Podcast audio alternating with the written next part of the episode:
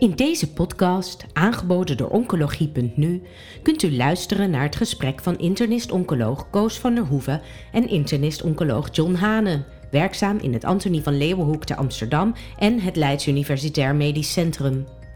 Aan bod komen de laatste ontwikkelingen met betrekking tot de behandeling van melanoom en niercelcarcinoom, gepresenteerd tijdens het ESMO Congress 2022.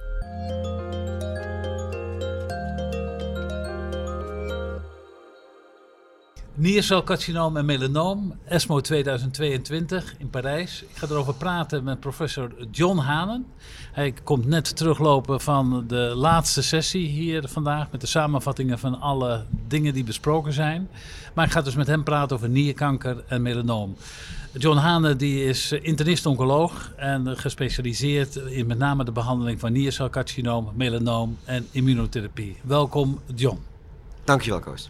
Laten we beginnen met niercelcarcinoom. Ja. Er is heel lang uitgezien naar de resultaten van adjuvante immunotherapie na operatie wegens een hoog risico niercelcarcinoom. Daar waren een aantal presentaties over. Wat kan je daarover vertellen? Ja, het waren, er waren drie presentaties uh, over. Ik denk belangrijk om nog te noemen dat patiënten die een hoog risico niercelcarcinoom, primair niercelcarcinoom, en we praten eigenlijk voornamelijk over de heldercellige niercelcarcinomen, ja. hebben een hoog risico van ongeveer 50% om binnen een, uh, een, aantal jaren na operatie de ziekte weer terug te krijgen, drie tot vijf jaar. Dus er is wel behoefte voor die groep patiënten om die kans wat kleiner te maken. Ja. We hebben natuurlijk de Keynote uh, 564-studie uh, data die een duidelijk verschil laten zien ten gunste van adjuvant pembrolizumab ja. um, in deze setting. Uh, voor disease-free survival. Er zijn op dit moment nog steeds geen overall survival data. Is wel trend, maar is allemaal veel te vroeg. Dus men keek uit naar de drie presentaties die dit jaar op ESMO 2022 zouden worden uh, gepresenteerd. Axel Beck presenteerde uh, de Emotion 010-studie. Een studie waarbij atezolizumab werd vergeleken met placebo in deze setting. Uh, deze studie leek heel erg qua inclusiecriteria op de Keynote 564. De pembrolizumab ja, absoluut. Ja. Dat waren bijna, wat dat betreft, uh, identieke studies. Maar het belangrijke verschil was dat er geen enkel verschil was nee. tussen de placeboarm Nee. en de atezolizumab behandelde patiënten in ziektevrije overleving. Ja, En ook de overall survival natuurlijk. was een keurig uitgevoerde studie. Keurig uitgevoerde Veel studie. patiënten. Ja, veel Maar geen verschil Maar geen enkel verschil. En misschien in exploratory subgroups uh, nog iets voor de sarcomatoïde tumoren die het mogelijk wat beter doen. Maar ja, zoals het al zegt, hè, exploratief, daar was deze studie niet voor gestratificeerd. Dus eigenlijk kun je er niks van zeggen. Er werd er natuurlijk over gediscussieerd dat de Pembro, dat is een PDE-remmer, en het atezolizumab een PDL1-remmer. Kan, kan jij daar nog iets over zeggen? Ja, het, het, kijk, er zijn nooit head-to-head vergelijkingen gedaan Ja. tussen anti-PDL1 antilichamen en anti-PD1 antilichamen. Er is een meta-analyse twee jaar geleden uh, gepubliceerd bij Duan en anderen. Uh, die liet zien dat als je kijkt naar alle studies in meerdere patiëntenpopulaties, dan zie je zeg maar dat de anti-PD1 antilichamen in het algemeen een betere effect hebben meer dus doen op de ziektevrije overleving of progressievrije overleving dan de anti-PDL1 antilichamen. Dus die lijken wat effectiever te zijn. Of dat de verklaring is voor het verschil, kan ik je niet vertellen, want dat weten we niet. Oké, okay, dan gaan we naar de meest krachtige combinatie die we van immunotherapie hebben. De ipilimumab en de nivolumab. Ja. Voor, voor fitte patiënten Ja. met gemetastaseerde ziekte. In de checkpoint 914-studie is dit adjuvant toegepast. Ja. En dit werd gepresenteerd door Motser, die we allemaal kennen van de criteria. Ja. Hoe zag die studie eruit en wat waren de resultaten? Nou, op zich een, uh, een interessante studie waarbij uh, er drie armen zijn. De combinatie IP-niveau uh, gedurende zes maanden overigens. Hè. En dan adjuvant nivolumab en een placebo-arm. En ze lieten nu zien de resultaten tussen de IP-niveau-arm en de placebo-arm. Dat was zeg maar wat uh, hier werd gepresenteerd tijdens uh, de uh, Presidential Symposium. En helaas is ook deze studie volstrekt negatief. Er was geen verschil in ziektevrije overleving tussen de twee armen. Vervolgens is natuurlijk gekeken waarom is nou die krachtige combinatie die in de stadium 4 ziekte zo goed werkt. 40% responskans, 10% of 11% complete remissies. Laat dat hier niks zien. Zou het nog kunnen dat we na, na drie of vier jaar die verschillen gaan zien? Eerlijk gezegd acht ik dat zeer was onwaarschijnlijk. Ja. Ja, als je kijkt naar hoe dat uh, uh, in het algemeen werkt met immuuntherapie, zie je die verschillen eigenlijk al relatief snel ontstaan. Als je kijkt naar andere studies, dat was in de Pembro, uh, Keynote 564-studie ook zo. Ja. Die, die, die lijnen gingen vrij snel uit elkaar. Dus dat zou ook hier eigenlijk moeten gebeuren. Dus ik denk dat dat niet zo is. Wat een onderliggende verklaring zou kunnen zijn, is dat een groot deel van de patiënten de behandeling wegens toxiciteit moest onderbreken. Ondanks dat ze gekozen hadden voor een relatief mild schema ipilimumab, één keer per zes weken, Ja. eh, eh, met 1 milligram per kilogram, eh, zie je toch veel toxiciteit, waardoor patiënten misschien niet gekomen zijn aan voldoende behandeling met IPI om uiteindelijk eh, de effecten ervan te kunnen zien. Dus het wordt super interessant om te kijken wat nou die nivolumab-arm laat zien. Ja. Want als die ook negatief is, dan weet ik het ook niet meer. Nee. Nou, dan kijken we naar iets anders. We zien bij heel veel tumorsoorten dat een kortstondige voorbehandeling met eh, immuuntherapie, voorafgaand aan een operatie, wordt eh, onderzocht. En bijvoorbeeld bij melanoom heel erg succesvol. Maar dat is nu ook gedaan bij het niercelcarcinoom, de PROSPER-studie. Ja. Kan je daar iets over vertellen? Ja, de PROSPER-studie was een heel ander soort studie. was een investigator-initiated studie. Dat was Ja. dus geen pharma-studie. waarbij één cyclus nivolumab voor de operatie werd gegeven. En daarna werden de patiënten na de operatie doorbehandeld met nivolumab. En werd vergeleken met observatie. Dus operatie gevolgde op, eh, observatie. Ja. Dat was dus geen placebo-gecontroleerde studie. Ehm, eh, en deze studie is uiteindelijk eerder gestopt dan bedoeld was, eh, omdat ja, eigenlijk al snel werd gezien dat er geen verschil was Nee. tussen die twee armen. Dus ook deze studie is negatief. Maar hier kun je wel nog wel het een en ander afdingen eh, aan het design van de studie. Eén denk ik dat eh, één cyclus vooraf aan een eh, operatie, en dat zijn grote tumoren, de kans dat je daarin wat gaat zien, acht ik eigenlijk wel bijzonder klein. Ja. Een groot deel van de patiënten kreeg überhaupt geen operatie, dus dan weet je al helemaal niet precies Ja. wat er daar gebeurd is. Dus ik, ik denk dat dit eigenlijk één, een immature studie is. Twee, eh, een, een studie die eh, qua design veel minder goed was. Maar ja, ook deze studie is dus in feite gewoon volstrekt negatief. Dus een heleboel data. Maar als we nou naar de praktijk kijken, dan zeg je eigenlijk, ja, we, we kunnen daar niet iets mee. eh, Nee, met deze studies kunnen we niet. Maar de vraag is natuurlijk, je hebt wel één positieve studie. Ja. Met een eh, hazard ratio die toch wel belangrijk eh, was. 0,68 geloof ik was die. En een hele lage p-waarde van kleiner dan 1 op de 10.000. Ja, dan is de vraag, is dit een, kwestie van kans geweest? Je bedoelt de Pembro-studie? Ja. ja. eh, dat, dat deze studie positief is? Of eh, is hier toch een ander onderliggend mechanisme waardoor deze studie wel positief is en de andere studies die we gezien hebben negatief zijn? Ik heb een beetje aangegeven wat de problemen waren met de andere studies, maar het is natuurlijk niet zeker dat dat de oorzaken zijn eh, voor eh, het feit dat die negatief waren en deze positief is. Pembrolizumab heeft dus adjuvant overtuigende PFS-data. Nog geen overall survival data. Er is registratie voor. Wat betekent dat voor de praktijk?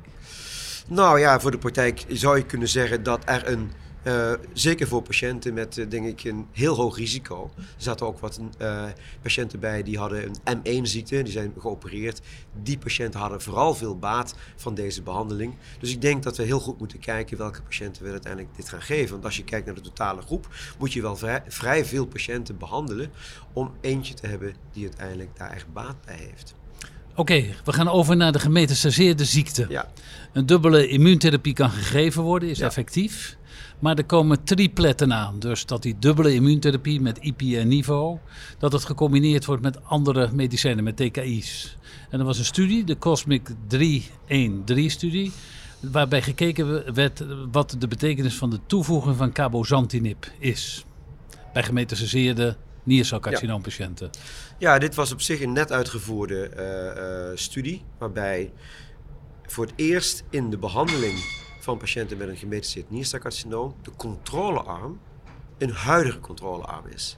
Een, een huidige standard of care, zo moet ik het zeggen. Dus niet zeg maar de sunitinib-arm, zoals alle andere studies die we nu recent hebben gezien in de eerste lijn. Eh, dus dat maakt deze studie al bijzonder. Eh, en het is een placebo-gecontroleerde studie Ja. geweest. Dus patiënten kregen of de triplet, of ze kregen een andere triplet, maar dan een placebo. Met de placebo. Ja. Ja. En eh, deze studie liet eh, wel, eh, met nog een beperkte follow-up duur, een verschil zien in progressievrije overleving ten gunste van de triplet. Ja. Dit werd vooral gezien, eigenlijk voornamelijk gezien, in de intermediate risk groep. Ja. Als je kijkt naar de HENG-criteria of de IMDC-criteria. Niet in de poor prognosegroep. En dat is een beetje counterintuitive. Je zou eigenlijk verwachten hebben dat die groep eh, het vaak meer baat heeft Ja. van eh, eh, die trippelcombinatie. Maar dat was dus niet het geval. Dus dat is niet helemaal begrepen, denk ik. Ehm, eh, op dit moment zijn er nog geen overall survival eh, verschillen, is het nog veel te vroeg voor. Dit wordt natuurlijk ook een, is een toxische combi- combinatie met veel patiënten die toch wel aanzet- en aanlaatstijgingen hadden, G3 of hoger. Eh, dus dit is niet een makkelijke combinatie om te, om te geven. En er was ook best wel wat uitval voor een van de behandelingen die werd gegeven. Dus of de cabo of de IPI. Eh, dus ook daarin kun je nog wat zeggen. Ik denk dat mensen misschien een klein beetje teleurgesteld waren over het kleine verschil tussen de twee armen. Misschien hadden ze daar wat meer van verwacht. Maar ehm, ja, de studie is eh, wat dit betreft positief. Maar ik denk op dit moment nog niet practice changing. We moeten zeggen dat voorlopige resultaten zijn Ja. en dat follow-up voor deze toxische combinatie, dat die verder moet worden ja, afgewacht. wel, ja. ja. Er is een nieuw middel eh, dat eigenlijk meespeelt. Dat Ja. is het Belzutifan. Dat is Ja. een HIV-1-alpha Heeft remmer. twee alfa. HIV, ja. En wordt gemaakt bij, door, de, door patiënten die niercelcarcinoom hebben. Nier, niercelcarcinoomcellen kunnen dat maken. Eh, dus, dus logisch om dat te proberen. Is in monotherapie al iets over verteld, maar het werd nu gecombineerd met cabozantinib. Ja. Dus de Lightspark eh 003-studie, de fase 2-studie met de combi van belzutifan 120 milligram, wat een, min of meer een standaard dosering eh, is, en een hoge dosering, 60 milligram cabozantinib. eh in een relatief kleine patiëntenpopulatie, hè, 50 werden er behandeld, met een opvallend hoge responskans van 57 eh, procent en een ziektecontrole Ja, van 93 eh, procent. Merendeel van de patiënten die baat had, had favorable risk zi- ziekte. En je kunt je daar wel iets bij voorstellen. We weten dat in die favorable risk groep er veel tumoren zijn waarbij de ziekte vooral angiogenese gedreven is. ja, Dit is een combinatie van twee angiogenese-remmers. ja. Enerzijds cabozantinib, dat natuurlijk VEGF-receptor eh 2 goed remt en nog een aantal andere. En belzutifan, dat heeft 2 alpha remt, wat uiteindelijk ook zorgt voor minder ehm eh, angiogenese eh, eh, eh, eh, ziekte, gedreven ziekte.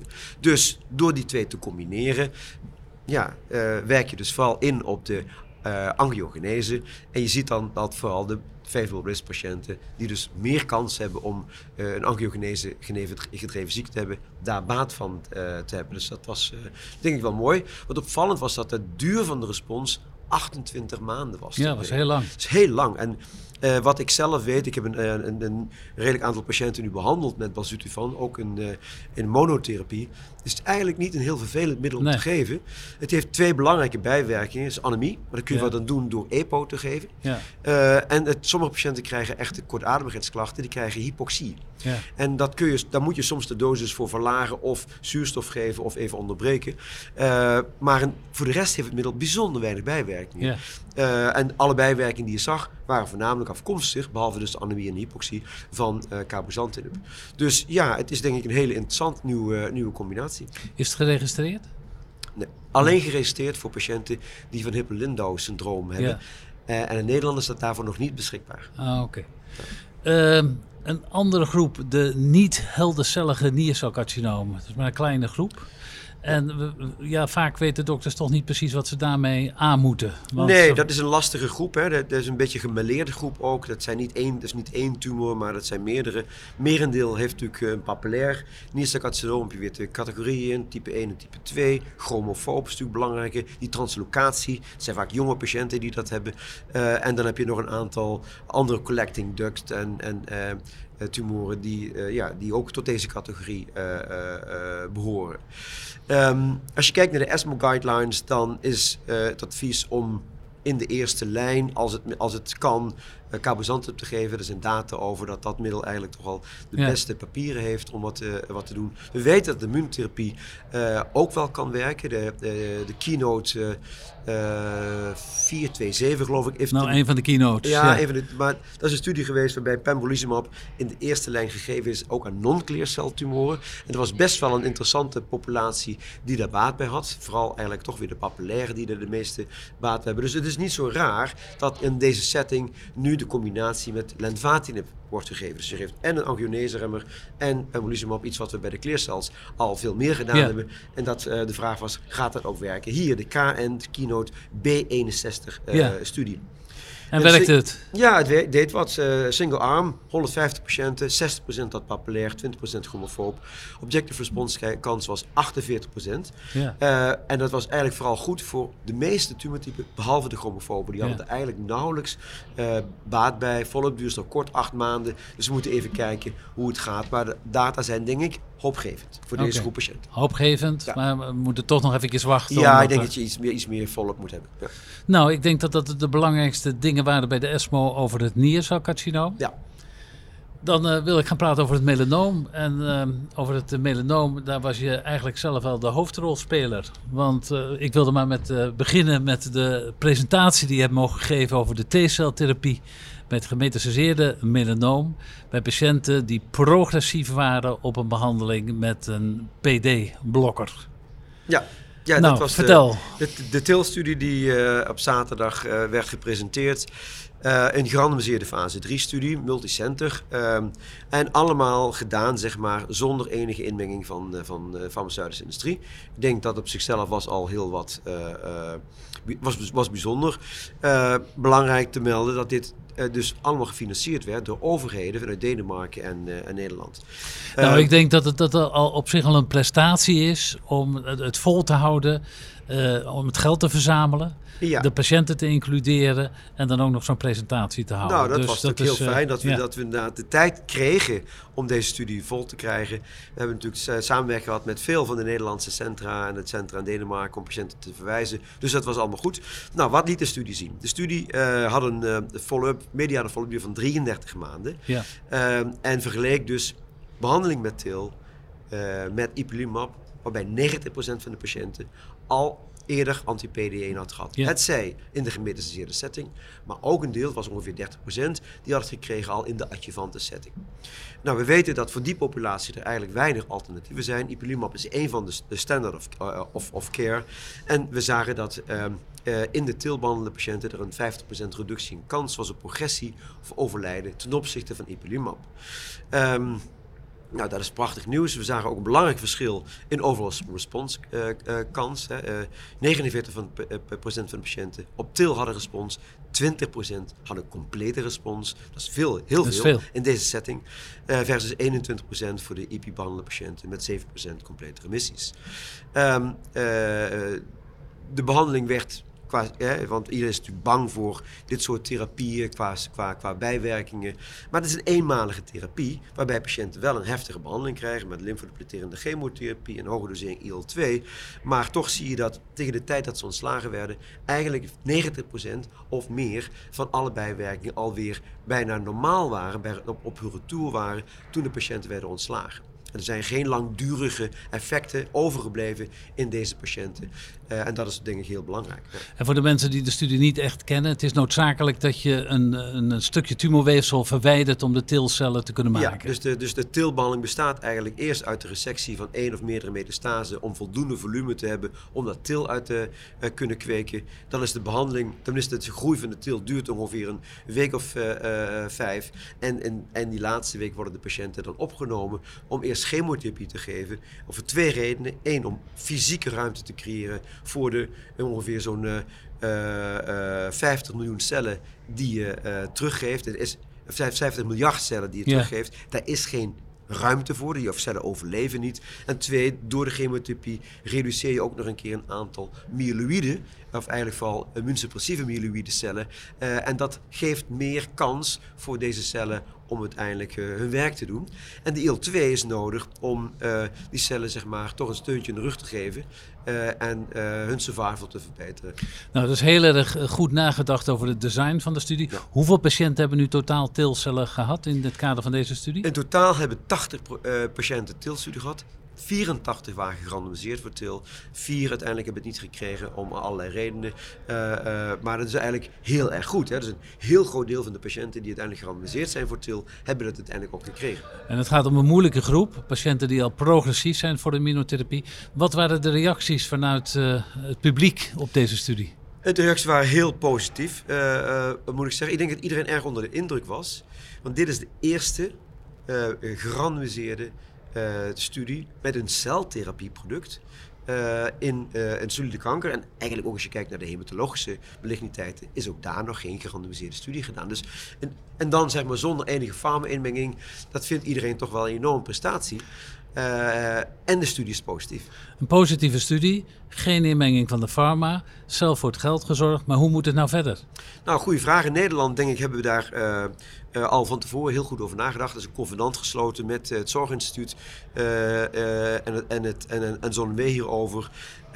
en we zijn nu bezig, we hebben het rapport gestuurd naar het, Zon, naar het Zorginstituut. Het Zorginstituut is nu de komende maanden bezig om met het ministerie van Gezondheidszorg te kijken naar uh, het opnemen van TIL in het basispakket. Uh, dat hoort bij zeg maar, voorlopig toelatingstraject. Ja. Dat is de consequentie hiervan. Dus per 1 januari 2023, als alles goed gaat, zou TIL voor deze groep patiënten in het basispakket uh, vergoed moeten kunnen worden. En wordt het dan een behandeling die alleen in je eigen instituut gedaan wordt, of wil je dat in nee, meerdere ik, dat plaatsen zou, doen? Dat zou niet nodig moeten zijn. Wat we zou kunnen voorstellen is dat de uh, groei van de cellen wel, het zij bij ons of bij Sanquin plaatsvindt. Sanquin ja. hebben wij betrokken bij de, bij de productie. Maar dat centra die dit zelf ook zouden willen doen, dat we die opleiden en vervolgens die dan ook zelf de tilbehandeling kunnen geven. Nou, heel spannend en uh, je hebt heel veel complimenten gehad en uh, die geef ik hierbij ook nog een keer. Dankjewel, coach. Nou, dan gaan we naar de adjuvante behandeling.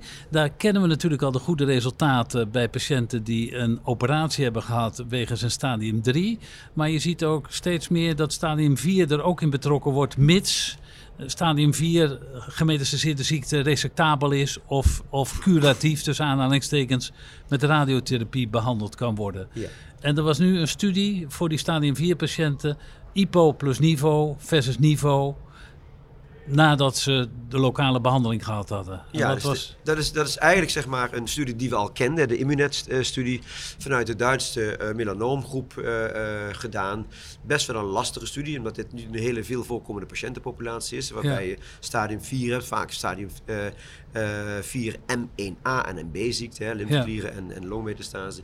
En die werden dan vervolgens behandeld met of IP-niveau of uh, niveau op of, of niks. Ja, placebo. En, uh, placebo. En uh, nou ja, dat is een belangrijk verschil tussen de drie armen. Dus de combinatie IP-niveau werd vergeleken met placebo en met niveau werd ook vergeleken met placebo. En dan zie je dat de, de, de dubbelcombinatie, dus de combinatie immuuntherapie, het aanzienlijk beter doet, ook in overall survival. En ehm, ik vond die getallen, en dat is natuurlijk zijn maar kleine groepen, hè, dat is 50, 60 patiënten per arm, blijf ik wel uh, lastig te interpreteren vinden, omdat als je die vergelijkt met de Checkmate 067-studie, is het verschil tussen de monotherapie nivolumab en de combinatietherapie IP-niveau heel erg groot. Ja. En uh, eigenlijk is het niet goed te begrijpen waarom dat zo groot is. Het zou natuurlijk toeval kunnen zijn, uh, maar ja, dat zijn, de, uh, dat zijn de getallen. Of dat zeg maar new practice changing is, dat weet ik niet. Uh, uh, deze studie was niet gebouwd om dat te laten zien. Maar het geeft aan dat stel dat je patiënten hebt die, waarvan je denkt van ja, dit is echt wel een hele nare. We hebben die net geopereerd, die moet nu zeg maar wel uh, goed blijven. Ja, dan zou je kunnen overwegen om die combinatiebehandeling te geven. Als je, je, zegt iets over de, je zegt iets over de statistiek, maar de vierjaars overall survival was voor de combinatie 84 ja. niveau 73 ja. en niks 63 Ja, nee, het was het was dus heel goed. Ook ja. in die controlearm, hè? ook al. Hè? Heel ja. goed. Dus dat, dat, uh, dat geeft aan dat je op deze manier wel patiënten kunt rescuen door ze op tijd te opereren of met radiotype te behandelen. En dan voegt die, die combinatiebehandeling wel nog wat toe. Ja. We bespraken net al bij niercelcarcinoom dat soms uh, voorafgaande aan resectie voor uh, stadium 3 of misschien ook stadium 4 tumor een, er een, een korte periode immuuntherapie gegeven wordt en mogelijk daarna ook adjuvant. Er was een studie waarbij dat gedaan werd voor stadium 3 en stadium 4 resectabele melanomen. Wat, wat kan je over die studie zeggen? Ja, dat was een mooie studie, moet ik zeggen. Het is een Investigated Initiative studie, de SWOG uh, 1801. Een studie gepresenteerd door Sapna Patel uit MD Anderson uh, op een van de presidential symposia. En uh, die studie liet eigenlijk toch wel een opvallend verschil zien tussen de patiënten die drie cycli van de eh, eh, van, de jaar, van het jaar behandeling voor de operatie kregen. En de rest dus na de operatie ten opzichte van operatie en alle een jaar lang uh, pembrolizumab. Um, en ja, dat, dat verschil in ziektevrije overleving was wel heel groot. Dus van 80 versus 59. 49. 49 procent, ja 50 procent precies. Dus het was echt indrukwekkend goed. Eigenlijk zou ik zeggen, ja, dit is, dit is practice changing. je kunt het gewoon bijna niet meer maken om die patiënten niet vooraf uh, met, met anti-PD1 te behandelen. want in het Antonie van Leeuwenhoekhuis hebben jullie natuurlijk ook uh, veel ervaring opgedaan de laatste jaren met ja. uh, voorbehandeling met IPO, IPI en NIVO. Ja. Maar een of andere vorm van voorbehandeling in deze categorie patiënten met immunotherapie lijkt wel de nieuwe praktijk ja, te moeten zijn. Ik denk dat, dat, dat, dat je. Hoe, hoe lang moet je nog wachten om dit toe te passen? Als het verschil Heb jij daar dus het antwoord op? Nou, ik denk, ik denk eerlijk gezegd dat je het gewoon zou moeten. Uh, je, zult, je, zult, het met de zorgverzekeraars moeten bespreken. Dat dit een veel betere inzet van dezelfde behandeling is die je normaal zou geven in de adjuvant setting. Uh, en dat, dat het dus ja, eigenlijk kosteffectief is om dat te doen. Ja. Uh, um, dus ik zou daar enorm voor pleiten om die discussie in ieder geval in Nederland met de zorgverzekeraars... Snel te voeren. Absoluut. Snel af te ronden. Ja, een ander middel wat, wat, uh, ja, wat al eigenlijk al een tijdje bekend is, maar waar we de plaats niet helemaal van weten, dat is de T-VEC die uh, lokaal geeft voor patiënten die satellietmetastase hebben van een melanoom. Tot nu toe weten we dat dat uh, in een palliatieve zin handig is. Maar er zijn ook patiënten die satellietmetastase hebben, daarna geopereerd worden. En um, daar is ook TIVEC bij toegepast en is gekeken of dat nou overlevingswinst geeft. Wat kan je daarvan zeggen? Nou, dat is een studie die ook al een paar jaar geleden uh, uh, voor het eerst gepresenteerd was door Reinhard uh, Doemer uit Zurich. Patiënten werden eigenlijk verdeeld in twee armen. Hè. Ze kregen of zes injecties met, met TIVEC en werden daarna geopereerd. of ze krijgen operatie en werden vervolgens vervolgd. Ja. Het gaat om patiënten met in-transit metastase ja. of met en zonder lymfeklier. En er was een kleine groep die had alleen maar lymfeklieruitzaaiingen. Um, en de bedoeling was natuurlijk om te komen tot het R0-resectie, waarbij alles verwijderd uh, uh, moest worden. Maar dat is bij die in-transit soms wel tricky. Hè, want dat is vaak over een heel groot gebied. Ja. Dus dat is niet zo eenvoudig om dat te doen. Dus een deel van de patiënten kon ook niet geopereerd werden. En die werden eigenlijk beschouwd als progressief. Dus die vielen al heel snel uit de studie. Toch, die patiënten die daadwerkelijk de R0-resecties konden krijgen, daar werd wel een verschil gezien in survival na vijf jaar, zeg maar. Tussen die twee, twee armen.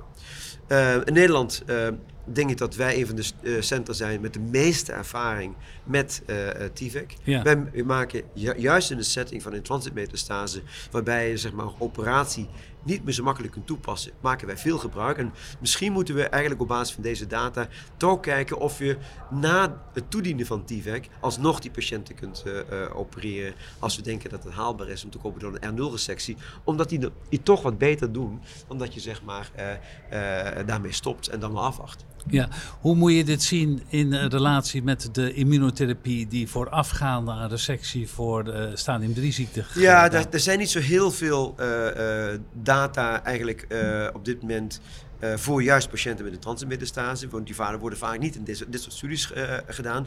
In, op dit moment loopt er in het NKI de NIVEC-studie. Ja. De NIVEC-studie combineert TIVEC, drie doses, met nivolumab. En vooraf aan de operatie. Die patiënten worden daarna allemaal geopereerd.